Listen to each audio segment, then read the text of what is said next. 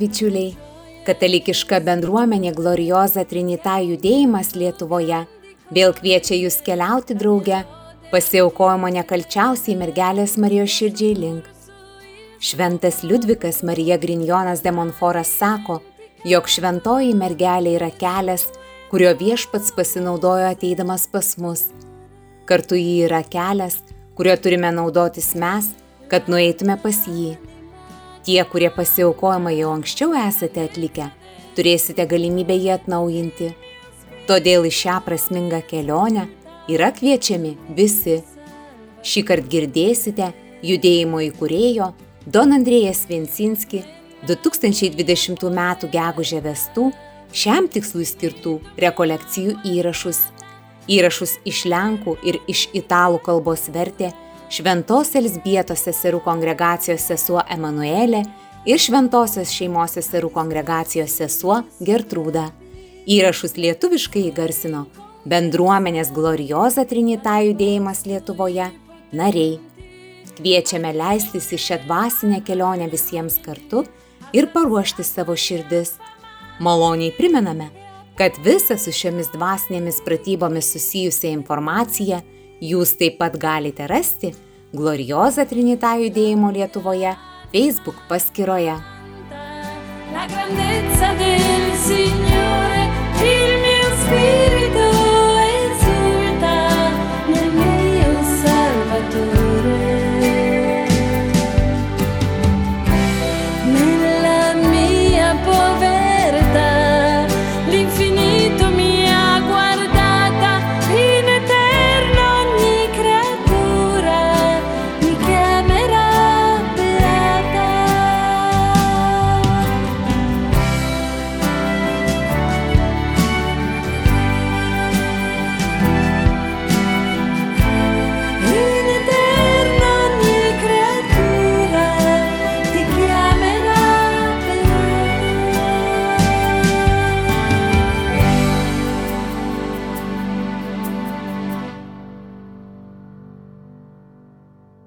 nome del Padre, del Figlio e dello Spirito Santo. Vardan Dievo, Tėvo ir Sūnaus ir Šventosios Dvasios Amen.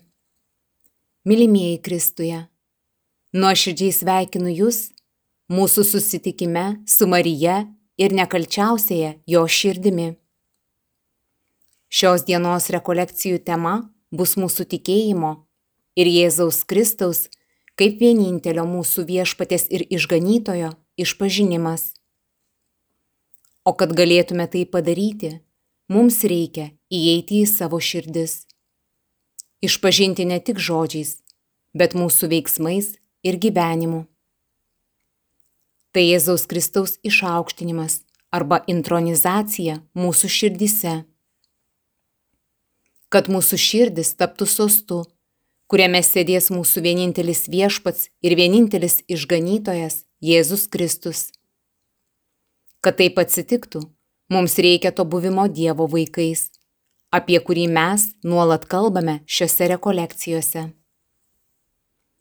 Tai malonė, kurią mums duoda švenčiausioji motina ir jos nekalčiausioji širdis.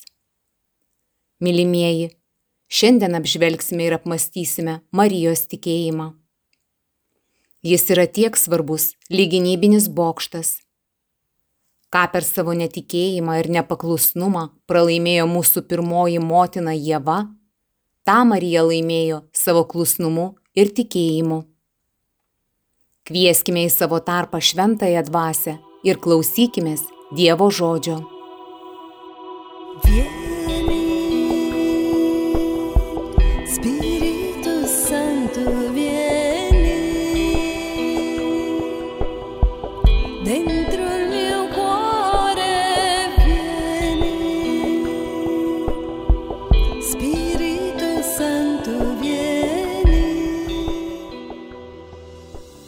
Iš Evangelijos pagal šventąjį Joną 15 skyriaus 9-11 eilutės. Kaip mane tėvas mylėjo, taip ir aš jūs mylėjau. Pasilikite mano meilėje. Jei laikysitės mano įsakymų, pasiliksite mano meilėje.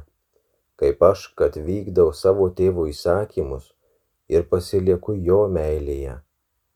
Aš jums tai kalbėjau, kad jumise būtų manasis džiaugsmas ir kad jūsų džiaugsmui nieko netrūktų.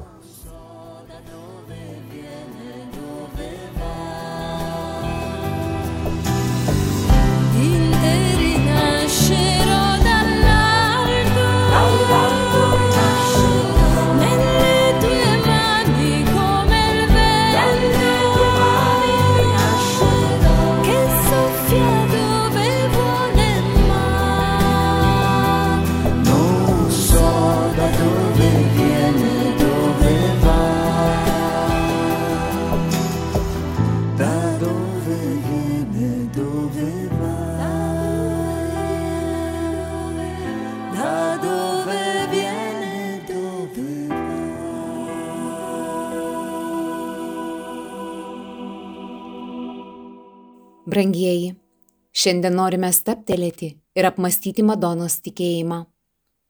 Norime įeiti jo širdį kupiną tikėjimo, kad atnaujintume savo tikėjimą. Ką Jėva, mūsų pirmoji motina, prarado dėl savo nepaklusnumo, Marija atgavo per savo tikėjimą. Šio tikėjimo grožis iškart išryškėja po Jėzaus mirties ir prisikėlimo, kai galėtume sakyti, tikėjimas dingo iš pasaulio. Iš tiesų, po Jėzaus mirties jo mokiniai nebetikėjo. O jei netikėjo tie, kurie jį sekė, kas kitas galėjo patikėti? Taigi Dievas visą tikėjimą įdėjo į Marijos širdį. Kančios metu ir po Jėzaus prisikėlimo, kai jis pasirodė apaštalams, kurie niekaip negalėjo tuo iki galo patikėti, laikė jį vaiduokliu. Kai mes išgyvename tikėjimo tamsą, mums taip pat reikia tikėjimo, kuris yra paslėptas nekalčiausioje Marijos širdyje. Ir mūsų šeimose, mūsų asmeninėme gyvenime dažnai einame per tikėjimo naktį.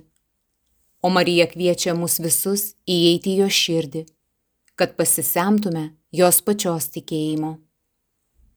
Kai Marija nueina pas Elzbietą, ji ją pamato ir pasveikina sakydama, palaiminta tu tarp moterų, palaiminta tu, kuri tikėjai. Loreto litanijoje Madona taip pat vadinama ištikimąją mergelę, tai yra tikėjimo mergelė. Marijos tikėjimas turi įvairių aspektų. Šventasis Liudvikas Marija Grinjonas de Monforas pateikė juos savo traktate tvirtindamas, kad Madona mums dovanoja gryną tikėjimą. Išlaisvina mus iš to, kas jausmiška, ką norėtume pamatyti. Kartais labiau nei tikėjimo ieškome specialių efektų, kurie veikia mūsų pojūčius, versdami mus patikėti, kad tokiu būdu galime išgirsti Dievą. Marija kaip pirmąjį žingsnį nori duoti mums gryną tikėjimą. Tai reiškia, kad tu nesirūpinsi jūsliniais dalykais. Be to, ji nori padovanoti mums tvirtą tikėjimą, kuris, kai sutemsta, padeda mums išgyventi mūsų gyvenimo audras. Ji taip pat nori mums dovanoti veiklų tikėjimą. Tai yra gebėjimą kažkiek prasiskverbti ir pažinti Kristaus slėpinius, kurie kartais atrodo tarsi užrakintos duris. Jei šiam tikėjimui atveriame savo širdis, Dievas atveria savo paslapčių, savo dieviškosios egzistencijos duris. Dar Marija mums nori padovanoti drąsų tikėjimą, kad kartą prisėmę kokį nors projektą galėtume nueiti iki galo ir ne nesustoti, net kai reikalauja didelių pastangų tam, kad jį įgyvendinti, nesustojant prie jokių kliučių. Kviečiu perskaityti Šventojo Liudviko Marijos Grinjono de Monforo traktatą ir atrasti šiuos gražius Dievo motinos tikėjimo aspektus. Šiandien norime išpažinti savo tikėjimą Marija ir Dievu, mūsų viešpačiu ir pasakyti, Tu esi vienintelis mano gyvenimo viešpats. Šventasis Augustinas mums pateikė tris tikėjimo pakopas. Pirmoji - Jėzau, tu esi mano gyvenimo viešpats. Antroji pakopa Jėzau, tu esi vienintelis mano gyvenimo viešpats. Ir trečioji, Jėzau, tu esi vienintelis viso mano gyvenimo viešpats. Labai yra svarbu pasiekti trečią pakopą. Nes kartais net ir pareiškus, Jėzau, tu esi mano gyvenimo viešpats, iš tikrųjų mūsų gyvenime yra ir kitų viešpačių. Jėzus yra tik vienas iš jų. Etimologiškai viešpats yra tas, kuris valdo žmonių gyvenimus ar situacijas. Dažnai patys norime būti savo gyvenimo šeimininkais. Pasaulis serga kontrolės kultūra. Norime kontroliuoti viską - savo sveikatą, banko sąskaitą, santykius ir panašiai. Kai negalime kontroliuoti savo gyvenimo, patenkame į krizę ir kyla baimės. Prarandame kontrolę ir jei neturime Dievo savo gyvenime, jei nėra jame ko nors, kam esame įteikę savo gyvenimo vairą, patenkame į krizę. Tampame neurotiški, nepakeliami savo šeimose ir mūsų artimiesiems žmonėms. Labai svarbu leisti Jėzui valdyti tavo gyvenimą sakant, štai aš atsiduodu tau, keliu baltą vėliavą viešpatė, tu vesk mane, tau atiduodu savo gyvenimo vairą. Tai pirmoji pakopa. Antroji pakopa yra, tu esi vienintelis mano gyvenimo viešpats. Kartais mūsų gyvenimą valdo kiti viešpačiai. Paklauskime savęs, kas jie yra ir kiek jų yra, nes jų taip pat gali būti daug. Tai gali būti pinigai. Gerai jaučiamės tik tada, kai esame finansiškai saugus. Arba sveikata. Kai kurie žmonės yra priklausomi nuo vaistų ar gydytojų. Jie visada bijo susirgti. Arba kokie nors netinkami santykiai. Žmonės, prie kurių esame prisirišę, nes turime poreikį kad kas nors pasirūpintų mūsų gyvenimu, kitaip nesijaučiame patogiai. Kas be Jėzaus valdo mūsų gyvenimą? Turime atpažinti šios viešpačius ir pasakyti, ne, nuo šiandien aš patikiu savo gyvenimą tau Jėzau. Galiausiai trečioji pakopa. Tu esi vienintelis viso mano gyvenimo viešpats. Kartais norime, kad viešpats valdytų tik dalį mūsų gyvenimo. Ta, kuri mūsų manimų neveikia, nes sergame, esame vargšai, neturime darbo. Tad kviečiame jį, ateik ir valdyk šią mano gyvenimo dalį. Priešingai, Jėzus turi būti viso mūsų gyvenimo, net ir tų sričių, kuriuose jaučiamės gerai ir kurias esame linkę valdyti patys viešpats. Vietoj to turime pasakyti, Viešpatė, aš patikiu tau ne tik tas savo gyvenimo dalis, kurios neveikia, bet ir tas, kuriuose viskas yra gerai. Galbūt ypač tas. Ateik viešpatė, su tavimi dalinuosi savo pinigais, savo gabumais ir kompetencijomis. Ateik, visa tai tavo. Tai reiškia skelbti viešpati Jėzų viso mūsų gyvenimo gelbėtojų. Žinoma, Tikėjimą galima suprasti ir patirti stipriai arba silpnai. Stipriai, kai tikime žmogumi, kuris mūsų atveju yra Jėzus. Silpnai, kai tikime Jėzaus sampratą, gal net bažnyčios mokymų, bet nepažįstame Jėzaus asmens. Yra žmonių silpnai tikinčių visą gyvenimą. Tiki dogmomis, mokymais, pamokslais, žodžiu, tačiau netiki arba dar nesutiko Jėzaus kaip asmens. Taigi, norint pereiti nuo silpno tikėjimo prie stipraus tikėjimo, reikia gilaus atsivertimo. Tikėjimas yra kaip medis, kurį turime auginti, kad gautume vis daugiau vaisių. 1830 metais Paryžiuje vieną naktį Marija apsireiškė vienuoliai Kotrinai Labore, vėliau paskelbtai šventąją, ir paprašė jos nukaldinti medalikėlį, kuris būtų stebuklingas jį nešiojantiems su tikėjimu. Šventoji Kotrina pasakoja, kad jai apsireiškusi Marija ant pirštų turėjo daug žiedų, simbolizuojančių malones, kurias ji norėjo padovanoti žmonijai. Iš tų žiedų sklido skirtingo intensyvumo šviesa. Tiesą sakant, žiedai buvo trijų tipų. Tie, kurie buvo arčiau pirštų pagrindo, skleidė daugiau šviesos. Centrinėje dalyje esantis mažiau spindėjo. Ir galiausiai žiedai pirštų galuose beveik neskleidė šviesos. Marija paaiškino, kad šie trys skirtingi šviesos intensyvumai atitinka tris tikinčiųjų tipus. Tuos, kurie tiki ir nori turėti vis stipresnį tikėjimą bei gauti daugiau malonių. Drungnus, kurie prašo, bet iki galo netiki ir gauna mažiau malonių. Ir galiausiai daug sielų, kurios neprašo malonių iš Dievo motinos ir Jėzaus ir jų negauna. Todėl turime ugdyti savo tikėjimą, nes kuo jis tvirtesnis, tuo labiau galime džiaugtis viešpaties buvimu savo gyvenime. Fatimoje Marija apsireiškė trims regėtojams - Jacintai, Francesko ir Liucijai. Liucija matė Mariją ir kalbėjo su ją. Jacinta matė Mariją ir girdėjo ją, bet negalėjo su ją kalbėti. Francesko tik matė Mariją, bet jos negirdėjo ir negalėjo su ją kalbėtis. Panašiai atsitinka ir mūsų gyvenime. Šventai Kotrinai Sienietiai Jėzus sakė, stiprink savo įgūdžius ir aš tavyje tapsiu kalnų upę. Stiprink įgūdžius tai reiškia, vis labiau atsiduok man ir aš ateisiu į tavo gyvenimą kaip srauni upė. Ką reiškia atsiduoti? Šventoji Teresė Lizietė mums tai paaiškina. Pasitikėti, turėti tikėjimą Jėzumi reiškia susituokti su dvasinės kūdikystės mentalitetu. Tai reiškia atsiduoti Madonai, Jėzui taip, kaip kūdikis, kuris užmiega ramus mamos ir tėčio glebyje.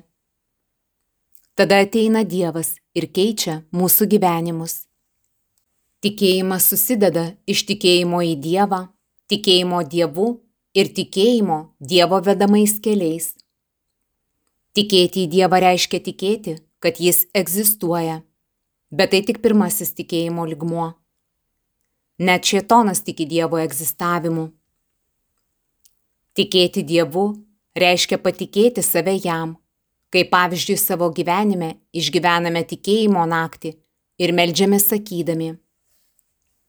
Tikiu, kad tu mane myli, kad manęs neapleisi, kad esi šalia mane šioje konkrečioje situacijoje, kad nepalieki manęs vieno.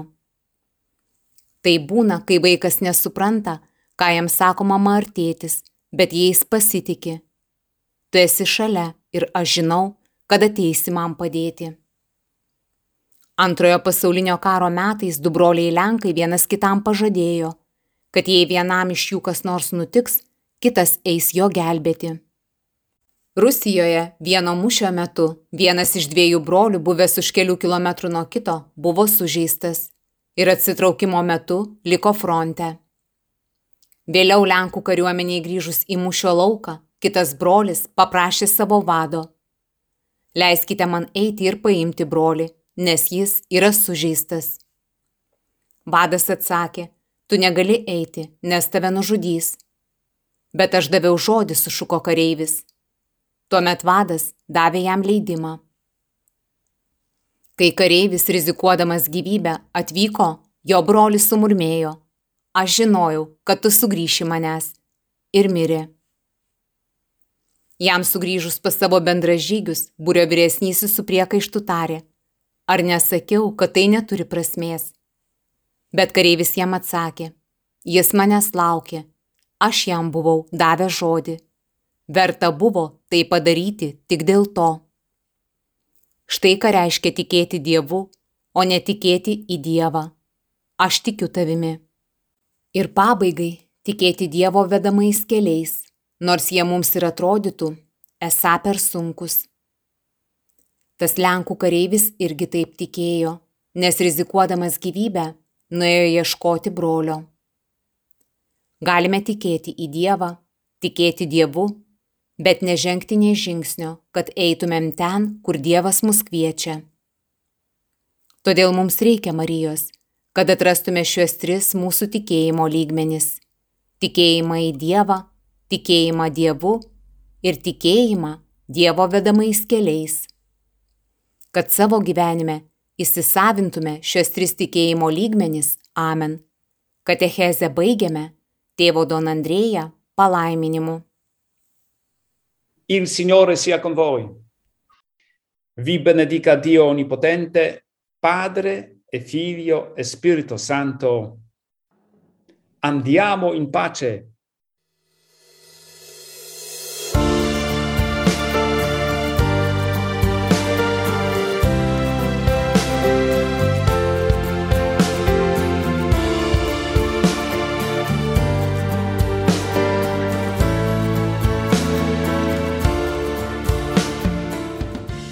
Garbė Jėzui Kristui, esu Asta iš Vilkaviškio.